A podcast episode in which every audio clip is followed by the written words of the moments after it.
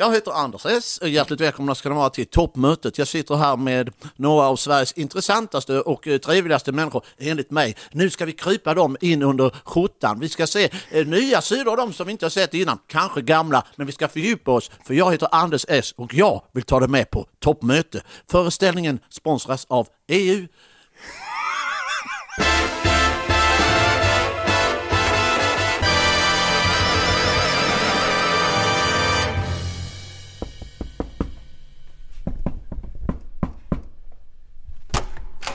Lång kod för att komma in. Alltså enormt knacksystem för att komma genom dörren. Ja, det tar några minuter, men det är väldigt säkert. Han sätter igång direkt när jag öppnar. Säger sig ha knackat på fel dörr först, en trappa ner. Och han som öppnade var revisor.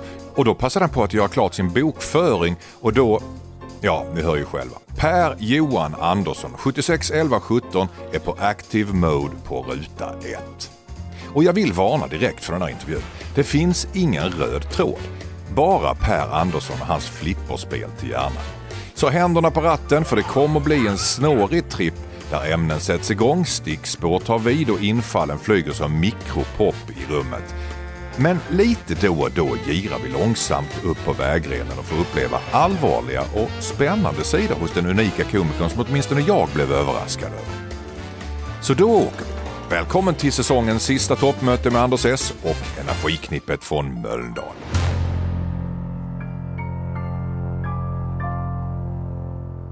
Nu har vi börjat här Per.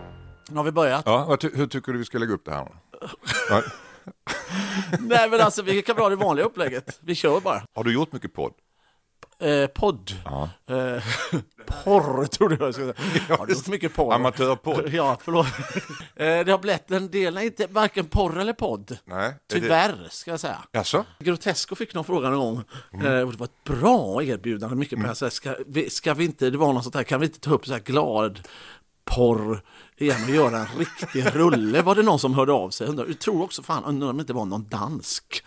Olle Söltoft? Ja, det var liksom den känslan. Mm. Det är säkert inte möjligt, men tänk om man kunde göra en glad eh, porrgrej som liksom vägde upp allt det där dåliga med eh, som bara renar alla sinnen. Mm. Just det. Ja, och Men det finns det blir, inte konflikt i, i skratt och sex? Gör det det? Jag tycker- Jag tänkte glad porr, är inte det liksom Ja, det är ett ord som inte gifter sig med. Nej. Nej det är, som en motsats? ja, det kanske det gör. Ja. Porren känns väldigt så här, hård och kan man, skulle man inte bara kunna göra ett frynkligt härligt, eh, en frynklig härlig porrfilm? Som, Ja. bara, som inte alls är så här, det är kvinnor och män och det är, inte, det är inte dominerande eller något utan det är bara jävligt så här härligt och glatt. Hur Vet skulle inte. du lägga upp en sån story? Vad skulle det kunna handla om? Kyrkoherden måste ju vara med. Eller- Men absolut, den eller- ståndaktiga kyrkoherden är liksom praktexemplet Mm. på något sätt. Det är ju själva kronan av gladporr. Mm. Alltså kan man ha ett revysällskap? De kanske inte får till en sketch och så istället för att det blir så här sorgligt så säger så de, "Nej, men ska vi inte, vi knullar lite istället? ja! Det, ska vi inte ställa in årets revy och så eh, bara vi köttar på? Ja! Det är en roligare idé. Och så, jag vet inte, I filmen så att säga. i filmen ja, ja. Ja. detta handlar inte om arbetet bakom. Nej. Nej. Det är ju en annan idé. Har någon idé om filmen? Nej, men jag tänker mig att processen går till så här. Så en, ett, en, gla- en glad revy på så här, så här 15 minuter. Ja. Med skoj, ett sällskap som, som har lite konstiga upptåg. Och sen är det, så går det fel eller går snett eller tappar Ja, lusten. det kanske är under repetition, en- ett genrep. Så Mm. och känner sen så kommer sexet in i en 15 minuter lång bara. ja, en ganska, Köttig en ganska köttig orgie. Och då tänker jag heller också... Är det skrattar också eller? Ja, det är det jag tänker, att det kanske är så att de kommer på idéer under tiden. Ja. Mm. De ligger med varann. Eller också att det är så här, typ, så- eller också den gamla, alltså typ så här att också så här, fan, de börjar så här knulla i karaktär. Att det är så här, vänta, gör en idé! Så kommer någon in med någon peruk och någon monokel och så är folk här, ja! Och så blir det någon sån här kuplettknull av något slag. Man, ett litet piano, spikpiano går igång och så hör man och så samtidigt, jo, och så samtidigt så här, har du tänkt på detta med staten? Alltså, kan det vara... Jag vet inte. Kuplettknullarna, det är en utmärkt titel. Den vill man ju se. Du Per, vad har du för civilstatus egentligen? Det har varit lite oklart för mig det där. Nej, men jag har ju en, en, en, en fru, eller en sån. Vi är kära. Ja. Ja, det tror jag, Ja. misstror jag inte dig. Nej. Nej. Nej, men, Det verkar som du håller upp handen där. ja, men vi är inte gifta. kära. Nej, vi vi, är vi, är gifta. du vi är inte gifta. Nej, nej, okej. Nej, det vi lever i synd. Mm. Det är en krydda i vardagen. Eh, och sen ja, vi två gubbar också. Mm. Ja, Två eh, grabbar. två grabbar, ja. Mm. 10 och 13. Varför är du inte gift? Ja, men det, det, det är på gång. Det var det jag menade, att det är på gång kanske. Alltså inte nu. Har du, har du friat? Nej, men det, ja, nej, lite från till så här. Vadå lite från och till? Vad kryptiskt du är. Ja, men jag är lite kryptisk på den här. Det, det, men det kanske man får göra någon gång, ja. Mm. ja det Men du har inte gjort det än? Nej, jag är ogift, det är jag helt säker Ja, men du har inte friat än? Nej, nej, nej, inte fullt ut kanske. Ja, men jag, är, Du har gått ner på knä men du har sagt något annat? ja, precis, ja, men jag blir lite osäker. Du går ner på knä så här, du älskling, det är Ja, jättebra jag på måste Netflix. fråga, ja, precis. Mm. Mm. Jag säger, vill du gifta mig? Vad sa du? Eh, är, är pytten klar eller? Mm. Eller sådär. Det är där du är. Alltså. Ja. Okej. Du är en högenergisk person. Har du skadat dig i jobbet någon gång? Ja. det har hänt någon gång faktiskt. Ja, men jag, kan, Mm. Jag, om jag, berätta. jag går liksom all in Mm. eh, i grejer. Jag kan berätta om stekpannincidenten. Eh, vi skulle ha nypremiär på eh, Art. Mm. Detta var ju i höstas då. Eh, och då, mm, då skulle jag göra någon Ja, det var någon testgrej, audition. Jag skulle bli någon robot. Eller jag skulle testa för någon robot som skulle slå sig själv i huvudet med en stekpanna. Detta är en, en provfilmning. Detta är en provfilmning. Det blir väl ingenting av detta tror jag. För att, eh, men då ska jag slå, och så hade de tagit med sig en stekpanna så tänkte jag slå mig själv nära. Liksom lägger den så jag bara stannar någon centimeter från så det ser snyggt ut eh, på den här provfilmningen. Jag fattar inte varför de hade med sig en riktig stekpanna. Jag skulle vara Det hade varit en tidning eller någonting hade varit bättre. Eh, och eh, jag träffade väl lite och fick liksom lite ont så tänkte jag, gud det här, det här, det här, det här får jag inte göra om. Jag fick liksom ett litet märke och det blev lite så här, "Usch, okej. Sen andra gången vi ska göra tonen, då tänkte jag, nu, nu får jag, så det här får jag absolut inte göra igen. Och då träffade jag ju hårt, då tog jag liksom i ännu hårdare. Spärrarna släpper, man går in i det helt enkelt och känner så här, rummet börjar simma. Jag blir alldeles varm och jag ser hur liksom de får sudd i ansikten. Så jag säger, är det, det är väldigt varmt här inne va? Nej, nej, det är inte varmt. Nej, jag får, får nog lägga mig och vila lite. Så jag la mig bara på golvet och började vila där och sen så började de väcka mig. Så, eller jag hör bara så vi får nog ringa en ambulans, vi får nog ringa en ambulans. Var jag vit i hela ansiktet. Hade legat där typ, jag tror jag hade legat där fem minuter, jag hade legat där i 20 minuter.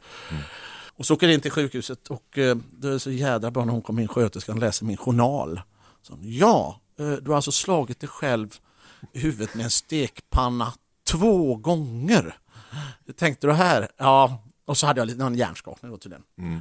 Och skicka inte det till, till uh, Sankt Görans psykavdelning. Nej, nej, det, det, det, var, det var lite, mår du bra? Och då menar hon psykiskt. Och hon frågade oss oftast, eh, eh, vad var det de skrev? Oftast när folk blir slagna på det här sättet så är det någon annan som har slagit dem. Men jag får skriva här att, du, att det var någon form av självmisshandel, tror jag fan det stod. Rubriceringen var självmisshandel. och så rekommenderar jag, sa att jag har nypremiär ikväll, så, så rekommenderar jag mig att inte spela. Så jag gick direkt till teatern, rev av en föreställning och jag missade bara en replik. Så lärdomen av detta är du kan slå dig själv i huvudet med en stekpanna och spela på kvällen. Lyssna ni på det ni som spelar teater och står med någon stekpanna text. Ska sula till och spela ikväll? Ja, det är möjligt och det är genomförbart. Jag har prövat för det, det är viktigt. Det går. Det går. Det är viktigt. Ja, men sen var det någon annan gång, när var det då? Det var också så dumt. Det var vad... det var jag med. Jag ska med Filip och Fredrik och så ska de intervjua mig i tvångströja. Ja. Och så tänkte jag, det kan vi göra. Men det roliga var att sen när jag suttit, jag har suttit i den här tvångströjan ett tag så kände jag, då fick jag liksom lite så panik. Så de tänkte nog att jag skulle få, I guess. Så jag fick tänka, Jesus, jag kan inte röra mig. Så vi satt åt middag vid något bord så jag tänkte, jag, jag vet inte hur jag tänkte, men jag slängde mig över bordet. Jag skulle göra någon slapstick-hopp över bordet, tänkte jag. Och i, liksom, när jag håller på att närma mig bordet, då inser jag att jag kan inte ta emot mig. Nej, så så bara hela bordet gick och de knäppte av med den där och jag sa det är inga problem. Tre dagar senare vaknade jag upp mitt i natten och så liksom ont i hjärtat och får säga nej, nej nu, nu är det kört, tänker jag. Liksom det verkte, tryckte på. Så jag, liksom, jag så får åka in till sjukhus, jag fick lite så här som jag inte heller brukar få, att det liksom är, så jag tackar liksom Tackar barnen för den här tiden. Nu ska pappa ta taxi in honom sen aldrig mer. Fick åka liksom in till sjukhuset, ligger där länge, de tar prov. Allt ser väldigt bra Eh, och så frågar de, så här, har du, har du råkat ut för något annat de senaste dagarna? Så, nej, det är inget jag, nej. Och så precis när han är på väg ut så säger jag, jo just det, just det! Eh, I förrgår så slängde jag mig över ett eh, matsalsbord i tvångströja. Det var inte samma läkare som... som, som Nej, det som- hade ju varit gudomligt om det var stekpannetandläkaren. stekpannetan- Tanten. Nej. Nej, så han vände sig om och sa, vad fan sa du? Och, och så sen kände han, så du har ju brutit några revben bara, okej, kanon.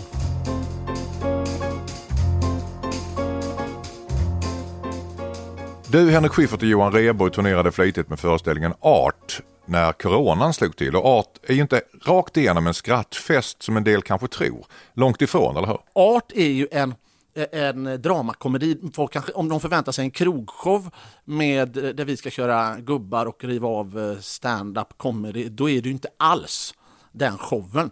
Eh, men det är en jädrigt rolig pjäs, men den är ju kanske svartare humor och har lite, lite köttigare sådär. Eh, och jag tycker den är jätterolig att spela, men man märker kanske i responsen kan det vara så att man märker bara att oj, nu, de blev i chock första 20 minuterna för man, de tänker så här, okej, vad är det här? Sen drog vi hem dem på slutet och så fattar de vad de, mer de ser. Så att jag tror att det, att det kommer vara några sådana grejer, att folk kanske kommer vara lite, okej, eh, det här var inte lösmustascher och peruker här nu. Okej, då ska vi hamna i det. Märker ni det? Att det finns en viss... eh, Att med dämpade första 20 minuterna? i- Nej, nej, det- i delar av det. Aj, mm. För sen är det ju grejer som är jävligt roliga också. Men det, absolut, det är en köttigare komedi på det sättet. Eller drama, komedi, komedidrama. Det handlar om vänskap och det här. Men det är väldigt roligt att spela. Det är manlig vänskap. Vänskap, ska jag säga. All sorts vänskap. Hur det krackelerar när rollerna ändras. Och varför man har vissa vänner och inte har vissa vänner och hur det där... Mm, Ibland fortgår ju bara en vänskap. Man vet inte varför. Nej. Har du gjort slut med några vänner? någon gång?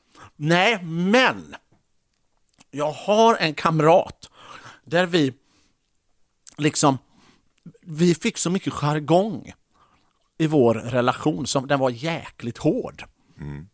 Jargong, så att när vi träffades så gick det en sekund så var vi liksom enormt råa mot varandra.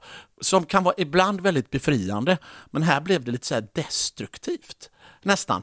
Så att efter, när vi hade börjat repa den här pjäsen så tänkte jag, gud, vi påminner om två karaktärer i den här pjäsen. Och det här är inte bra. Så då efter vi hade spelat och vi var på julbord förra året, då, gick jag, då var jag ute med min kompis och då berättade jag för honom eh, hur extremt mycket jag tyckte om honom. Och att jag var så glad att vi hade varit kompisar så länge.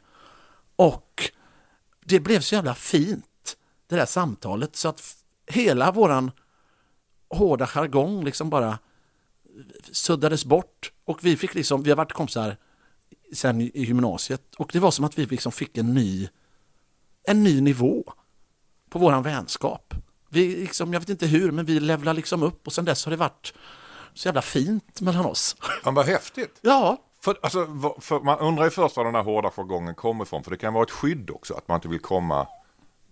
Man är lite rädd för att komma varandra riktigt nära på något sätt. ja eller... Och sen när man bryter igenom det där så, så som du upplever det, eller som du berättade så är det nästan som att ni bägge hade längtat efter det. Ja, på något vänster. Eller att vi var liksom så hårda i jargongen för att eller, alltså, vi kände varandra så bra så det som fanns kvar var liksom bara någon... Först var det lite roligt att vi bråkade lite. På något sätt att man kunde säga Hallå din jävla idiot. Eller om vad han berättat att han gjorde så var alltid jag skeptisk. Eller tvärtom. Men Det är ju kul att hålla på sådär. det är ju roligt. Det är ju underbart. När, när går det för långt? När blir det en bitter eftersmak? Precis, det är ju egentligen det. Ja, och det, det som jag skulle säga som jag, som jag själv har tänkt på att den bittra eftersmaken i, i, i det här var väl egentligen att det, det är kul med den jargongen, men det blev aldrig något annat. Det, man kan ju fortfarande vara hård och här, men det, det blev bara som att det var en sanning. Så fort vi träffades, vi kunde aldrig göra något annat än vara så här väldigt hårda mot varandra. Och då, då blir det så här, ja, okej. Um, hur, om jag frågar hur du mår så ska du bara svara, Skit i det du. Ja, skit i det. Och sen höll det på så. Ja. Det kan vara kul ibland, men... Så det andra liksom Var, försvann. var, hur, varför började det så då? Jag vet, som sagt, vi har känt varandra väldigt, väldigt länge. Så jag tror att det bara smugit sig på. Sen har man bara känt så här, gud det är inte ens kul.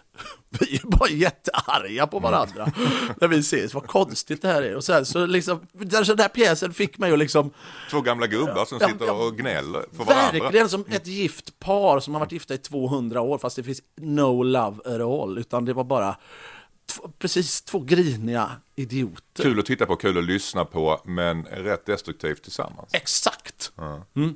Skaffar du nya, när skaffade du en ny vän senast? Eh, Alltså, alltså en, en riktigt bra vän som du liksom... Du är 44 nu. hörde du, du. 43, förlåt. Hörde du, 43 ja. Nu tar vi, jag ska fylla 43. Eh, jag... Du ska fylla 43. ja. Eh, jag... Eh, eller jag, hur gammal är jag? Har jag fyllt? Du är 43. Jesus Christ! Jag är 43! Ja. Okej, Du har levt i ja. jag är så osäker på sånt där. Ehm, det var som någon... Jag stod framför en som skulle lämna fram en gräsklippare. Som skulle reklamera en gräsklippare. Detta var förra året. Ja, nej, det här kvittot eh, har ju gått ut. Det gick ut eh, 2016. Va? Det är 2019 nu. Va? 2019? Då har jag ju missat tre år! Säger den människan och blir otroligt förvånad över att det är 2019. Jag tyckte det var så roligt. Tre år som bara så här hade försvunnit. Stickspår! Nej men ja, vi, vi håller det där stickspår för det är intressant för tiden försvinner väldigt fort när man blir äldre. Ja, alltså, jag har salvor här inne från 2002. Eh, som jag stoppar i örat lite då och då som fortfarande fungerar. Fungerar och, och de? jag tänkte det var tre, fyra år sedan jag köpte den. 2002! Ja, det är sjukt. Jag har sillburkar där ute som är från tomatpuré som jag såg som gick ut 17. Men Ja. eh, har du kvar det där? Ja, Jag äter inte dem men de har legat där. Ja, men nu Det- ligger de kvar är- som en liten botanisk... eh, Ja, på något sätt. Jag har ju levt i tron att den här kan man ju använda någon gång inom pastasås. ja. Men, men ja, skitsamma. Med någon Stickspår. kompis som du inte vill. Ja, det här, nu får jag ju värsta äckelstämpeln. Men vad, vad, vad, eh, vad var vi? Eh, Eh, här. Jo, vänner. Har, du, du är 43 år kommit fram till. Ja. Eh, Du fyller 44. När skaffade du en riktigt bra vän senast? Eh, nya bekantskaper. Nej, inte bekantskaper. Utan jag pratar om vänner, riktiga vänner. Du kan gå tillbaka. Ja, men nu har vi känt varandra. Vi, vi, vi ser varandra som faktiskt gamla tiders bästisar. Och Känt varandra i tre år. N- när var det liksom senast du... Eller Eh, slutar man vid en viss ålder? Liksom? Nej, det tycker jag inte man gör. Jag tycker att man hamnar i, i, i, i projekt. Eh, Ja, men senast... Tre, det är roligt, de hänger samman med projekt. Ehm, nu tänker jag att nu när vi har spelat på Rival eh, ett år och är på turné så tänker jag att Johan och Henrik som inte jag kände innan nu känns det som att vi har jäkligt roligt. Jag tycker vi har väldigt kul ihop. Jag tänker, nu, jag, nu, tänk, nu ska jag tänka att de är mina vänner. Även tänker- privat liksom? Ja, vi umgås inte så mycket, men vi träffas så mycket på teatern hela tiden. Ja, men det är jobbkompisar. Om, eh, Eller? Ja, Går men jag, jag ihop? tänker att när det tar slut så kanske... Ja, men det är kanske på gång. Detta är en ut, håller på att utvecklas till en vänskap Mm. på något sätt. Men sen tänker jag att innan det så spelade faktiskt eh, Book of Mormon med Linus Wahlgren. Då spelade vi någon slags radarpar ihop. Men vi har ju blivit, eh, är ju vänner Mm. just nu. Vi umgås ju privat och ses och sånt. Men får är jag fråga, för jag funderar på det där själv. Att det, När har- träffade du din senaste vän? Ja men det är en bra fråga. Jag tror den riktigt goda vännen jag har nu som jag har träffat på, ska man säga gamla dagar, men i alla fall efter 35. kan Ja. Man säga. Ehm, det är nog bara en. Ja, det det. Resten får man nog gå tillbaka till, ja, 17, 18, 19, 20 år. Tre år var jag när jag träffade min äldsta kompis. Mm. Och ni hänger ihop fortfarande. Absolut, vi hörs ofta.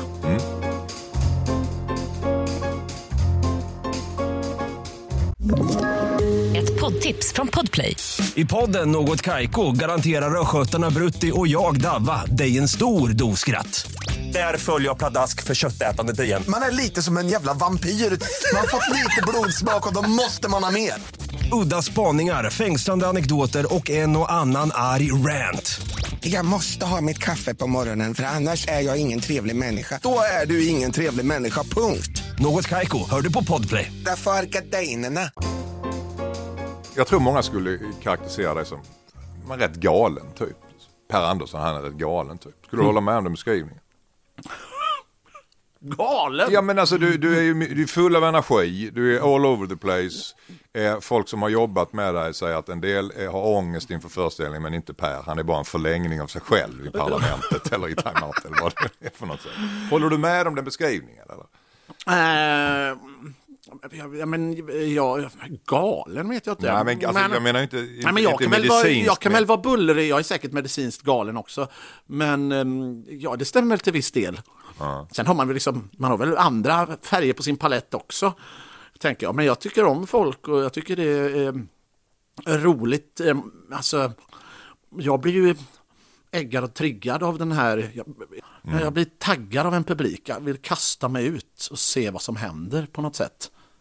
Ge mig det här mötet.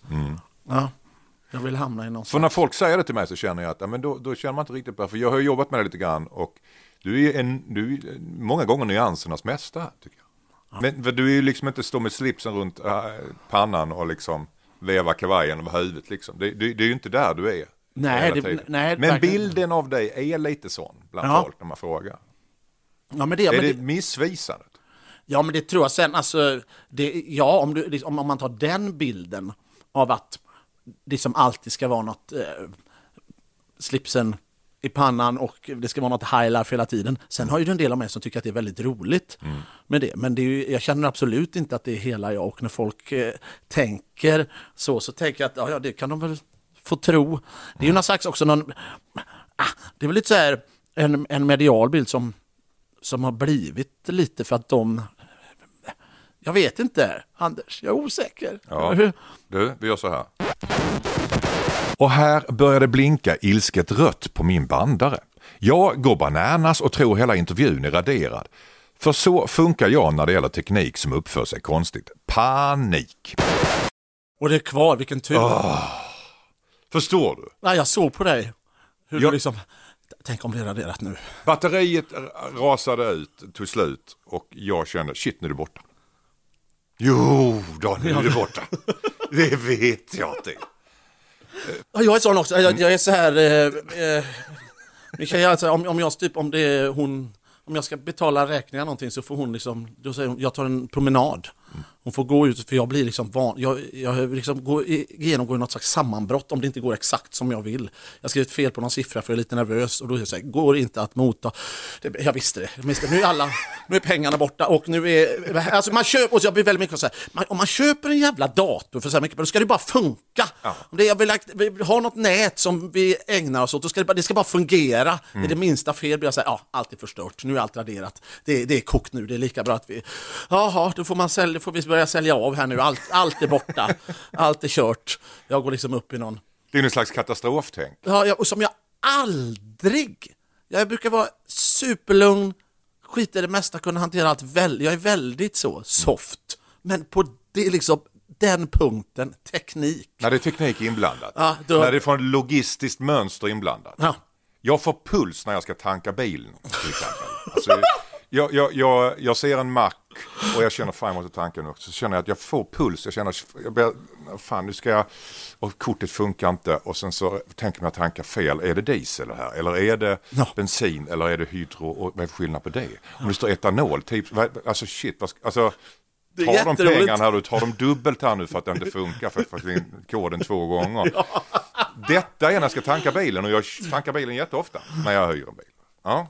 Detta är inte sant. Men vad, kommer, eller är det, du bara, ligger det katastrofscenario. traumatiskt? Det är det. Ja, katastrofscenario som jag inte, jag tillskriver inte mig själv egentligen. Jag beskriver mig som en katastrofmänniska. Jag bara har det där när det är teknik inblandat, när det är något som jag känns, fan, jag behärskar inte det här Nej. riktigt. Det blir liksom... Då blir det katastroftänk. Hur är det när du skaffar dig barn till exempel? Alltså, ska- ja, men alltså, blir man inte sådär extremt katastroftänk gånger tre? Nej, inte jag. Inte jag, inte jag. Nej. Men jag tror att det var också för min, eh, min fru gick upp i det väldigt mycket. Eh, Det var, någon, eh, det var en fantastisk gång, detta är jättelänge sedan, eh, du vet, eh, tyckte jag själv var väldigt roligt. Eh, då skulle jag, jag skulle bara gå ut till, till, eh, till, till brevlådan skulle hämta brevlådan. Så jag hade dörren öppen på morgonen. Så jag ut. När hade gått några meter så, så, så hörde jag en från huset. Stäng dörren! Barnen kan frysa ihjäl! Det var hon som skrek det. Alltså, hon, det var hon, hon var nog uppe i det katastroftänket då.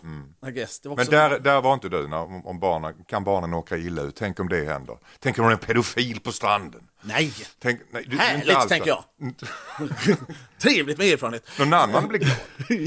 Nej, men, nej, men det, det har inte jag hamnat i. Men jag tänker att eh, det hade kanske kommit, men hon, hon, tog, eh, hon tog den katastrof så då fick jag väga upp med det andra. Då, då blev det, det skulle explodera om du också var sån. Ja, så att jag du fick tog ett säga kliv, att- tillbaka, kliv ja. tillbaka. Jag fick säga det är inte säkert att de dör om dörren är öppen. Nej. Men Här finns statistik älskling. Ja. Är forskning visar, Ja. brittisk det är forskning bara visar. 30 procent som dör. Som dör. Ja, Så du lugnar henne på det sättet. jag lugnar på det sättet.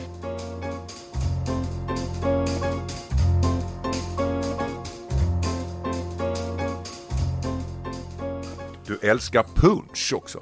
Ja, det är också gammaldags. Ja, det är gammaldags. Alltså, när, när jag träffar dig ute på krogen ibland så kommer du med en flaska punch som du har snott, smugglat in på krogen. Som du har innanför rocken och du, du vill att Ja, han ska ja dricka. eller den finns, kan finnas ibland också. Ja. Ja. Var kommer den här punschgrejen ifrån? Vad, vad är... Ja men det, där, jag fastnar ju lite i det. De flesta när de eh, gjorde så här spex och sånt där. Så hade de ju sina punschsittningar och sen försvann det. Men det har liksom hängt kvar hos mig. Och eh, när man dricker en punsch, är en öl, så är, jag säger det igen, det är ju jävligt gott. Så är det. Du tycker En det kall är? punsch, ja så är det. Supersliskigt. Jo. Sött. Jo men ett par, någon flaska bara. Nej men en iskall punch. Hur mycket punsch dricker du om du är ute och fest, punschfestar en kväll? Ja, ja, det är svårt, det är svårt, det kan, måste vi gå in på, jag vet inte. Eh, det kan ju bli lite ja. Ja. Ja. Men jag drack med, jag hade mitt enda uppehåll jag haft på punchen eh, eh, var en gång, eh, så mycket punch jag aldrig druckit. Jag skulle vara med, vi hade spelat på Chalmers. Eh, Två föreställningar på rad. Eh, matiné, kvällsföreställning. Jag hade inte ätit mellan föreställningarna. Så jag springer ut i panik efter sista applådtacket och säger jag måste äta nu.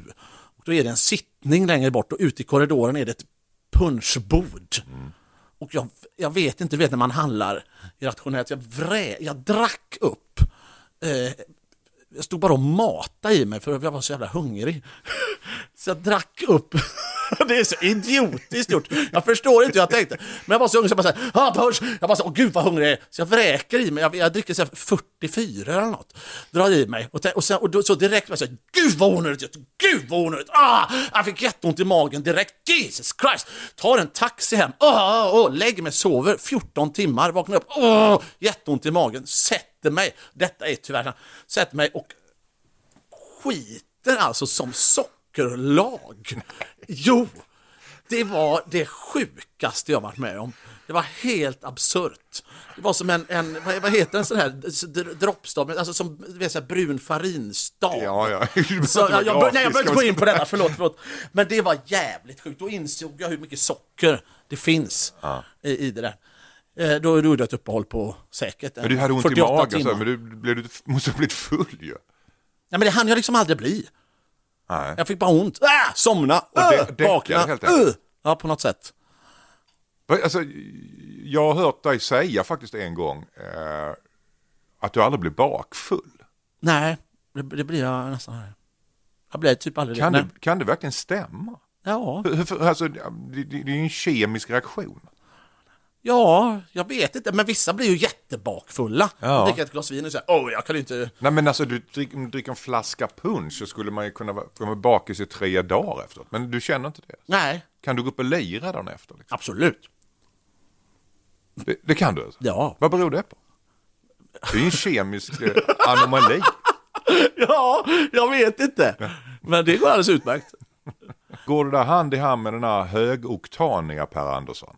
Att du kan vara högoktanig och att du även ke- kemiskt sett inte berör dig då om du dricker Tänk en det flaska så. punch? Just det, Ja. det är liksom energi försvinner på något sätt. Ja, precis. Mm. Du gör av med det under tiden så pass mycket. Ja, det kanske är så. För jag har pratat med en kollega till dig som spelade eh, i Rock of Ages. Mm. Han sa att du kunde vara ute och festa till fem på morgonen. Och sen var uppe och spela matiné, två föreställningar, en på matiné på dagen och sen en på kvällen. Inga problem. Nej, det går alldeles utmärkt. Men det, alltså det, jag hävdar då att detta, detta händer ju inte jämt och ständigt. Men om jag går ut någon gång så kan jag, nej, jag blir inte bakis. Nej. Nej. Och eh, samma person sa att du var till och med, jag vet inte om det här var samma, samma gång, men han sa att du hade varit så gentil så du hade skrivit en liten dikt till vad, eller en rim eller vad det var, till alla i crewet som spelade Rock of Ages. Ja, det var... Kommer du ihåg det? Mm. Det var, det var jag och Thomas Wikström. Det, detta var på finalfesten. Ja. Eh, Så tänkte vi att vi, vi, vi gör en liten sån här, det är roligt att ha ett litet tack, vi skriver om några av låtarna, tänkte vi. Och sen så fick vi hang på det där. Så vi skrev, Rock of Ages är en musikal, det kanske är 30 låtar. Och vi skrev, ja men vi hamnade i så att vi skrev om, tror jag, en liten del på alla låtar hela musikalen där vi eh, tog upp grejer som hade hänt under tiden och alla i crewet fick eh, varsin eh, tack för den här tiden. grejen. Det var extremt ambitiöst men det gick hem som fan. Det var roligt. Men eh, det kan man göra. Det är roligt med sådana här gyckel och grejer. Det var inte bara roligt, det säger väldigt mycket om dig också. Alltså för det var, det var, det var alla i crewet som du Ja, ja, ja, ja. Det får vara garderob eh, och det får vara bakom ljus och ljud. Och, eh, Att du uppmärksammade dem på det sättet. Måste ha betytt enormt mycket för, för uh, både ensemblen och de bakom. Ja, och så är det ju alltid roligt. Och det, det, det var verkligen, det tänkte vi, det, det känns ju viktigt att göra det. Och så var det också så typiskt svenskt. Eh, att det var något sånt där, eh, och så då, då tog vi upp alla i, jag tror det var garderoben, personalen hade kollat. Och då efteråt så var det, jag kommer inte ihåg, eh, kom det fram någon efteråt som var, jag kommer inte ihåg nu om det var så här, eh, hade jag, hans namn hade jag inte uttalat rätt. Men, alltså, Jag heter Peter, det var något sånt, ja, men du vet något så här rörligt. Thomas med Å. Det var typ något sånt. Som har stått och sjungit, hyllat alla, varit försökt och var så jävla, så kommer det fram och säger, ja hej, du, kul att säga men mitt namn är bra, Thomas är med Å liksom.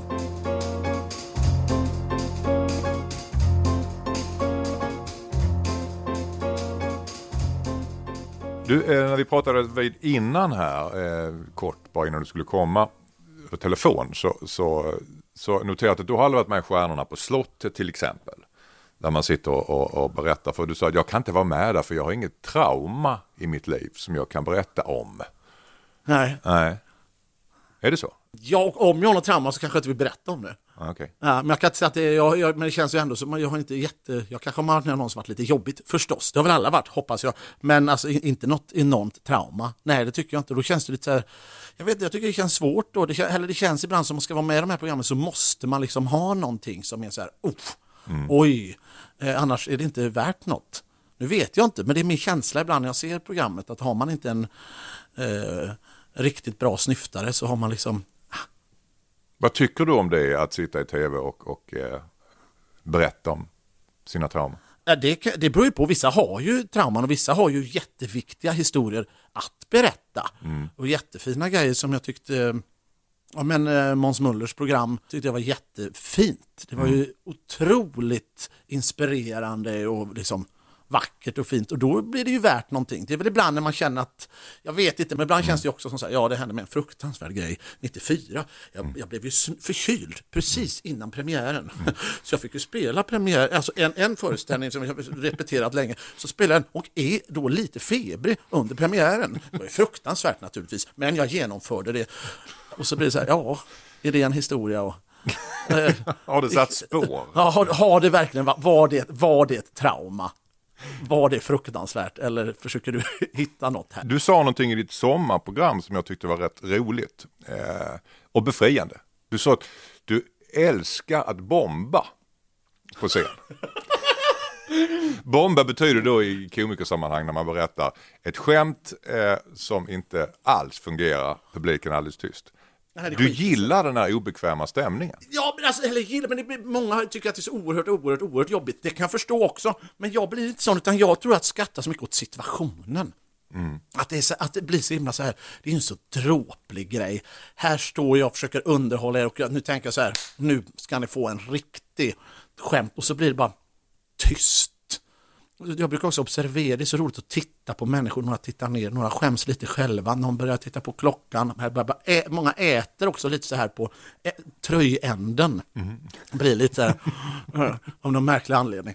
Och det är, jag vet inte, jag blir så jävla full i skratt. då. Ja, det roar mig. Jag kan inte säga att jag siktar på det, men när det händer är det ju så här, vilken situation detta är. Det är ju verkligen, Varför tror du att du reagerar så? Jag pra- Jag pratade med Dorsin, eh, vi pratade om parlamentet. ja, Hur fruktansvärt han tyckte det var när han hade gjort eh, inte bra ifrån sig. Alltså skammen han upplevde. jaha, nej. Det, Ja. det, det är ingenting du upplevde. Nej, nej jag skrattar för det, det är så jävla dumt när det bara inte funkar. Man, jag zoomar ut och ser mig själv utifrån och, och liksom ser, okej det står någon stackare och harvar och ger allt. Vilken jävla clown. Och så sitter publiken och är tyst. Och, och, det är bara en sån jobbig situation. Jag, så typ, om jag hade sett en film så hade jag skrattat jättemycket åt det. För att det är så dumt. Det, det säger väldigt mycket om dig också. Det måste ju vara någon slags att kunna skratta åt sig själv när man misslyckas inför folk. För de flesta skulle ju brista inombords på något sätt. Det är väl också kanske... Men det alltså man gör så gott man kan och ibland funkar det inte och då är det så... Man kämpar ju livet ur sig för att det här ska bli så roligt som möjligt. Ja. Och så är det något som gör att det bara skiter sig. Ja. Det är ju något i det som är roligt. Är det för att man, är det att man skrattar åt sig själv för att man har siktat så högt och ville så mycket? Eller är det för att man... Ja, Jag, jag vet inte. Det, det kanske är en, eller är det ett sätt att bara så tackla det? Kan det vara så privat också att du älskar pinsamma tystnader? Eller är det bara på scen? Nej, jag tycka det är jätteroligt. På middagar, kan du säga, kan du, när folk inte har någonting att säga varandra eller? Ja, då, kan, då kan jag få lite Tourette och säga något otroligt dumt. Och det blir så här ganska konstigt. Och då tänker jag så nu måste jag observera, det här är ju jätteroligt. Om det är på väg att bli lite stelt eller om det är för artigt. När det är för så här käckt eller något sånt där. Och då kan jag få lite så här Tourette på något sätt. Blir det inte ännu mer tyst då? Eller? Jo, Och det, ja, då, då känner man så här, nu, jag tror också, mm, det här, nu närmar vi oss Anders, vet du vad känslan är? Jag tror i de sammanhangen så tror jag så här, nu, det tror jag är så här, nu händer det i alla fall något. Det, det jag tror det är det, när det bara, livet bara fortgår som vanligt. Och när jag så här, nu har vi sagt de här artighetsfraserna till varandra 50 gånger här nu på 20 minuter. Eller alltså något sånt där, då får jag något sånt där, nu måste det hända något. Det spelar ingen roll vad det är, bara liksom, bara vi når varandra längre ifrån varandra eller djupare. Eller någon, bara det bara, bara bryter den här lilla bubblan på något jävla vänster. Kan det vara så att du är en person som hatar avsaknad av energi? Och det spelar ingen roll vad energin är, om den är positiv eller konstig eller rent av ibland negativ, bara den är där. Ja, närvaro. Ja. Ja. N- närvaro är viktigt, spelar ingen roll vad det är. Kan du provocera också, bara för att folk ska tänka andra banor? Ja. Om de diskuterar någonting så säger du någonting som är, jag är emot abort eh, igen på en familjemiddag på Söder. ja, men lite så, absolut. Det kan, Bara det, för att se vad som händer. ja, Intressant. är det det? Är det idiotiskt? Nej, men det är väl lite, jag tänker Ja, att jag lite, kan känna igen, jag kan, Jag kan tänka att det är lite det. Mm. friskt vågat också.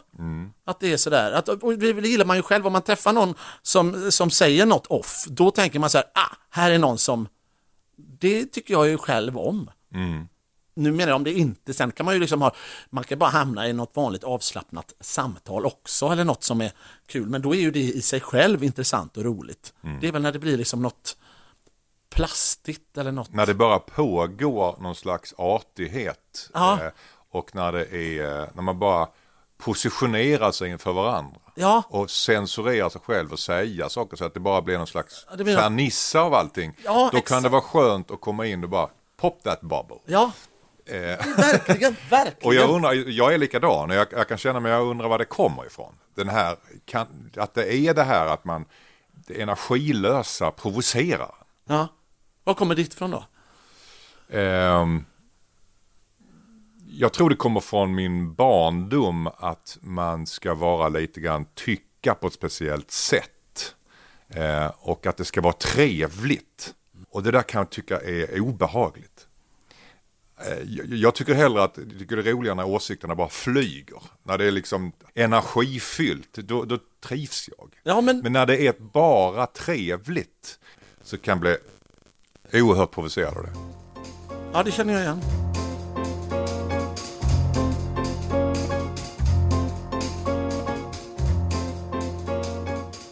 Var du överaktiv som barn?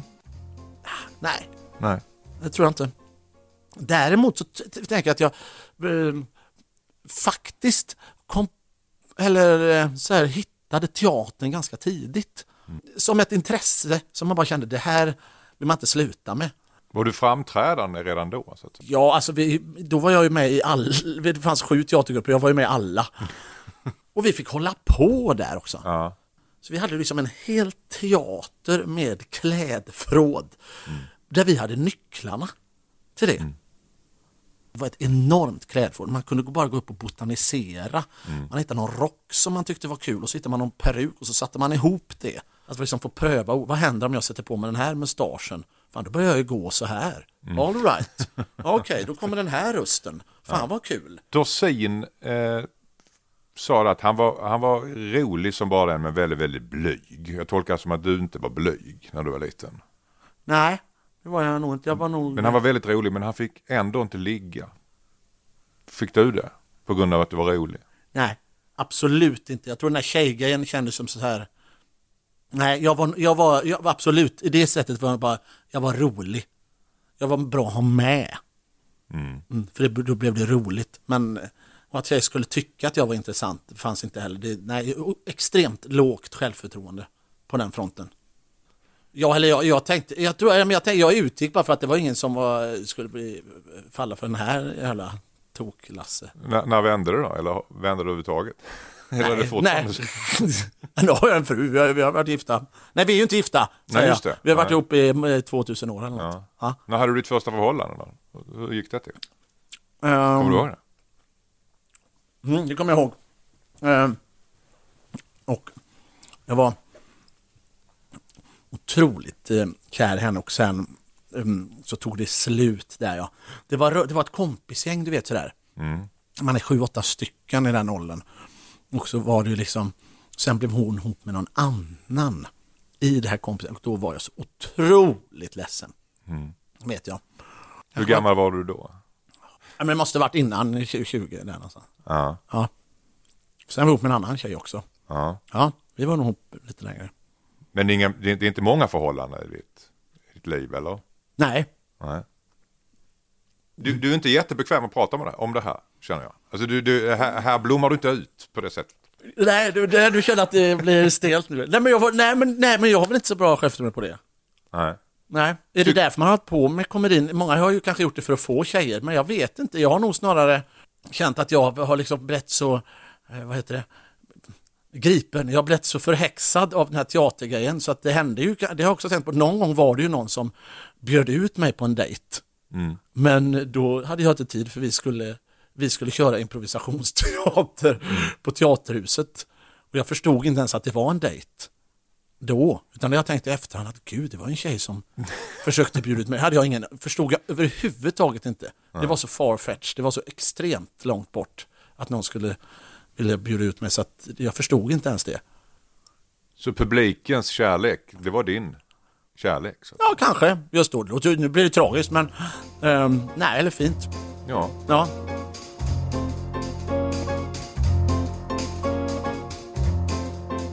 Det, passar du dig för vad du skämtar om nu för tiden? Tiden har ju förändrats lite grann. Det är nya strömningar och det är många som är kränkta nu för tiden. Det, nej, men det är väl klart att, eh, att det, nej, men skämt du drar måste ju landa, eller de måste inte alls landa rätt, de kan landa fel också, det gör absolut ingenting. Men jag menar bara att man vill ju skämta om det på rätt sätt, så man inte bara drar ett skämt som är gammalt och dammigt och sen visar, men gud nu drog jag ju något som jag inte alls stod för. Det här landar fel. Sen tycker jag ju att andra sidan också då att man, man måste ju, jag anser ju att eh, lite som med Book of Mormon tycker jag är ett bra exempel att det är så här, om du har ett ämne som du inte kan skämta om. För mig är det så här, det är en varningsklocka. När du har nått så långt att du kan skämta om någonting, eh, då är det ju nästan då har du nästan gått i mål. Då har det blivit folkligt, då kan vi skämta om det. Det är ett sätt att liksom, eh, vad ska man säga, att ta, att inte göra det så farligt, att humorn har ju en väldigt bra eh, humor kan ju verkligen hjälpa till att sätta fingrarna på någonting på ett bra sätt. Belysa någonting på ett bra sätt och när, saker vi inte kan skämta om, det är farligt. För är något så känsligt att du inte kan skämta om det, då är det, det är inte bra. Och sen kan, det finns, du har ju aldrig kunnat göra ett skämt som, som försöker nå fram eller som, är, som, stick, som alla tycker om. Och så ska, inte, då är det ju, så ska det inte vara heller. Det var som den här Kuk i hatt-låten som jag gjorde, det är ett skämt. Det är ingen snack om det. Jag sjunger om att eh, det är kul att stoppa kuken och olika grejer men eh, hattar är ändå det trevligaste.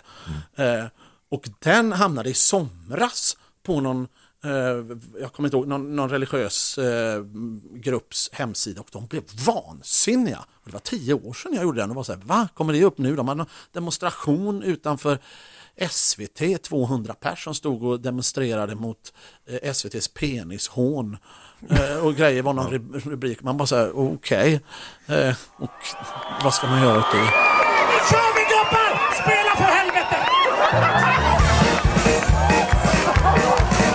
Man kan stoppa kuken i så många saker. För får och getter. Man kan stoppa den i franska letter.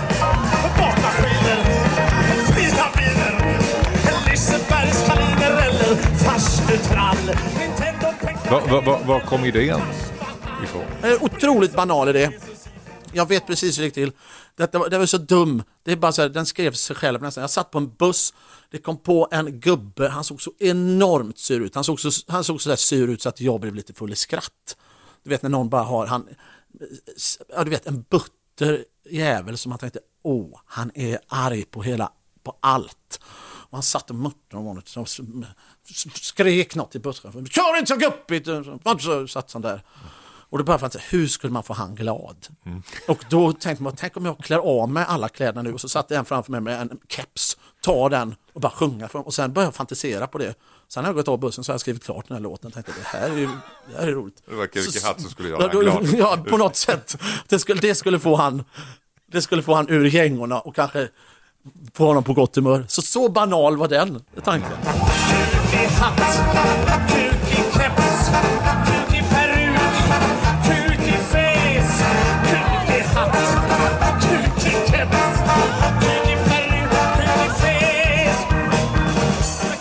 Jag är ju någon slags predikare. Jag tror att all humor på något sätt förenar. Ehm, tror jag.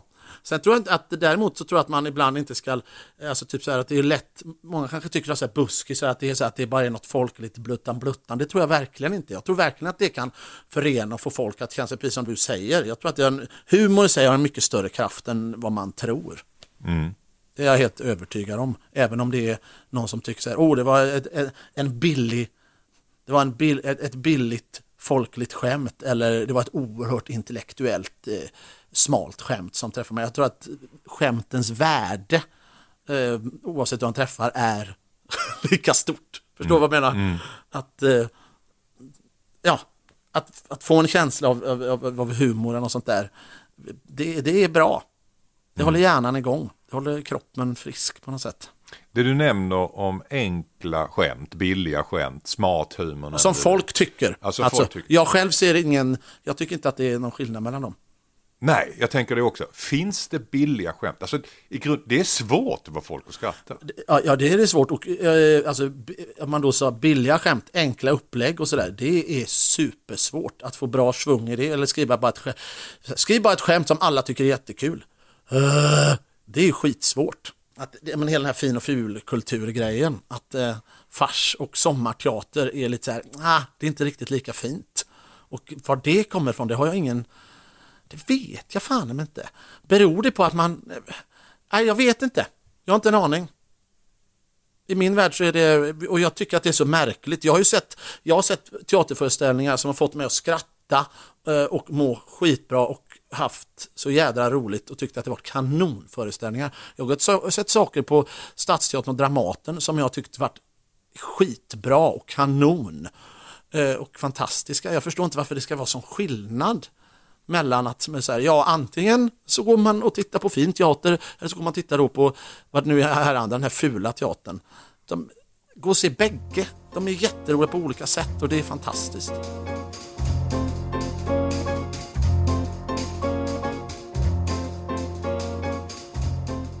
Vad är det konstigaste jobb du har haft? Konstigaste jobb. Ja. Nej, men- Nej, men alltså, jag, hade ju, jag jobbar ju i en, eh, Eh, i en, en kebab. Va? Eh, jobba. Och det, jag kom- men det som var intressant var det att eh, då var det så här, det var den här runda kebaben i, i, i Brunnsparken. Eh, och då han som hade den, det var suveränt när han skulle lära mig hur man, gjorde, hur man, gör, hur man gör mos. Jag ska, nu ska han berätta hur man gör mos. Så tänkte jag, ska vi göra mos här inne? Då gick vi, han, ryck, han liksom tog mig så här burdust eh, i, i, i kragen och så drog han ner mig i någon källare under ett garage. Så han, nu ska jag lära dig hur man gör mos.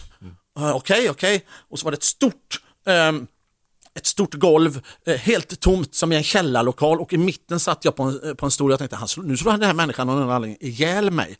Sen spelar han upp ett teaterstycke som är helt fantastiskt. Jag hade varit med om liknande. Han hade stora så här, stor mustasch, stort skägg och så ställer han sig fem meter från mig så skriker han i hela lokalen så här, detta är sant. Så säger han så här, jag föddes ur min mammas fitta! Och jag säger, äh, va? Jag!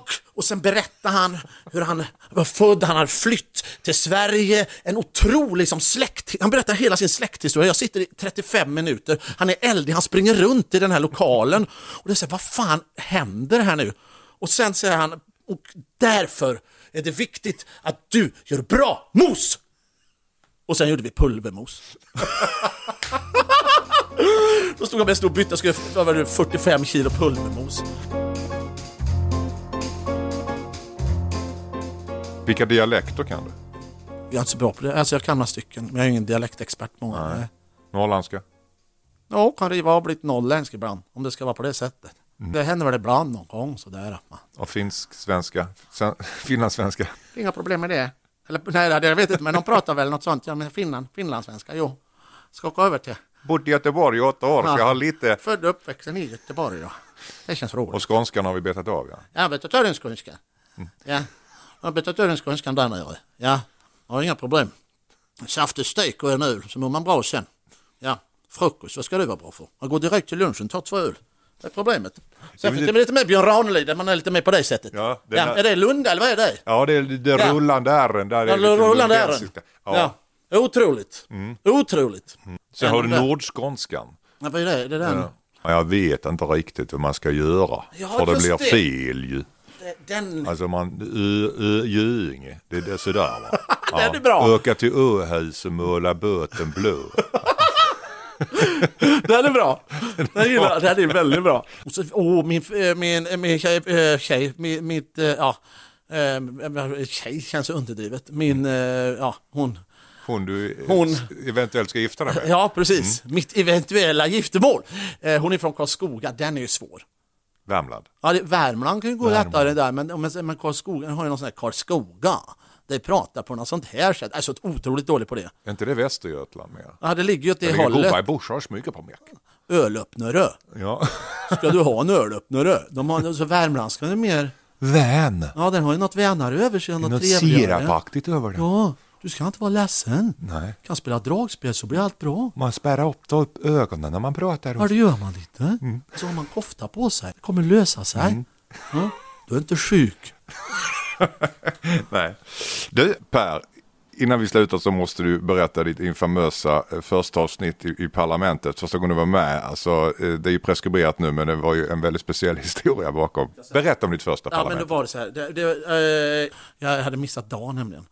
Eh, jag var i Stockholm några dagar. Och hade, trott, jag hade missat dag, så att jag hade liksom en mellandag. Så jag tog en öllunch med en kompis. Och vi satt och dit, lite, lite, lite, lite och hade mycket trevligt. När det ringer och säger, hej, är du på väg in?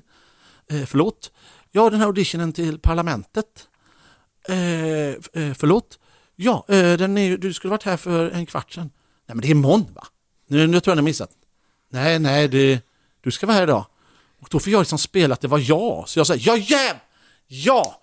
ja, alltså jag är där om fem minuter. Det är jag som har, jag är här. Och då hade jag liksom, så jag minns att jag var lite Du var full? Jag var full på min audition och det var det märkligaste jag varit med om. Aldrig varit med om något liknande.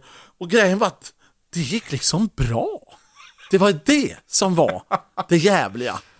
Så att jag lyckades ro i hamn där, men det var något att jag, jag la som fokus på att detta var så, det var så då var det så att jag tänkte så här, det här är ju sjukt Om någon märker detta är ju det, då är jag ju kokt. Han kommer lite småbladet till auditionen, han kan vi inte ha kvar. Men det var ingen som märkte något och jag, det gick ju skitbra. Jag märkte ingenting. Nej, jag lättade loose, men det var... Och jag tog det därifrån och tänkte Jesus Christ. Men det var fel dag. Ja. Ja, så att det var ju... Men, Men, men, det, det var rätt fylla. det var rätt fylla fel dag. Så nu är jag lite nervös. Du är nervös? Ja. Men jag ska sjunga en rapplåt som jag har skrivit. En rapplåt? Hur går den då? Jag är Ramona från Tomelilla. Jag är uppväxt i radhus, inte i villa. Ja, ni hörde rätt. No villa. Just a motherfucking liten lägenhet everybody. Det är det jag säger. Jag, jag, jag bredvid mig sitter Nour El Refai och hon är okej. För hon sitter med mig. Men här det sista avsnittet på säsongen, men för säsong två så tänkte jag att eh, kan inte du introducera podden så jag slipper göra det här inför säsong två? Jag heter Anders S. Hjärtligt välkomna ska ni vara till toppmötet. Jag sitter här med några av Sveriges intressantaste och eh, trevligaste människor enligt mig. Nu ska vi krypa dem in under skjortan. Vi ska se eh, nya sidor av dem som vi inte har sett innan. Kanske gamla, men vi ska fördjupa oss. För jag heter Anders S och jag vill ta dig med på toppmöte. Föreställningen sponsras av E EU. Nej, de har typ toppmöten där. Ja, men då hade de kunnat få rejält med pengar. Ja, Någon slags jordbruksstöd i podden. ja, kan du få in något sånt? Ja, vi snackar miljoner. Ja, jag kan ju lägga det. av med allt jag gör. Kan jag lägga ner på den? Så rik kommer jag bli. Ja, det är ju briljant. Men du måste få in jordbrukstemat. Mm, precis. Ja. Jag sitter här med Per Andersson och vi ska prata om skiftesreformen. Vad tycker du om tegarna? Ja, vad tycker du om genmodifierade bönor? Precis. Och det är jag något av en expert på. Ja. Ja. så, du, så jag har helt rätt igen. Tack för att du kom Per. Du, tack för allt. Ja. Tack för dina sociala insatser och din samhälleliga plikt som du fyller.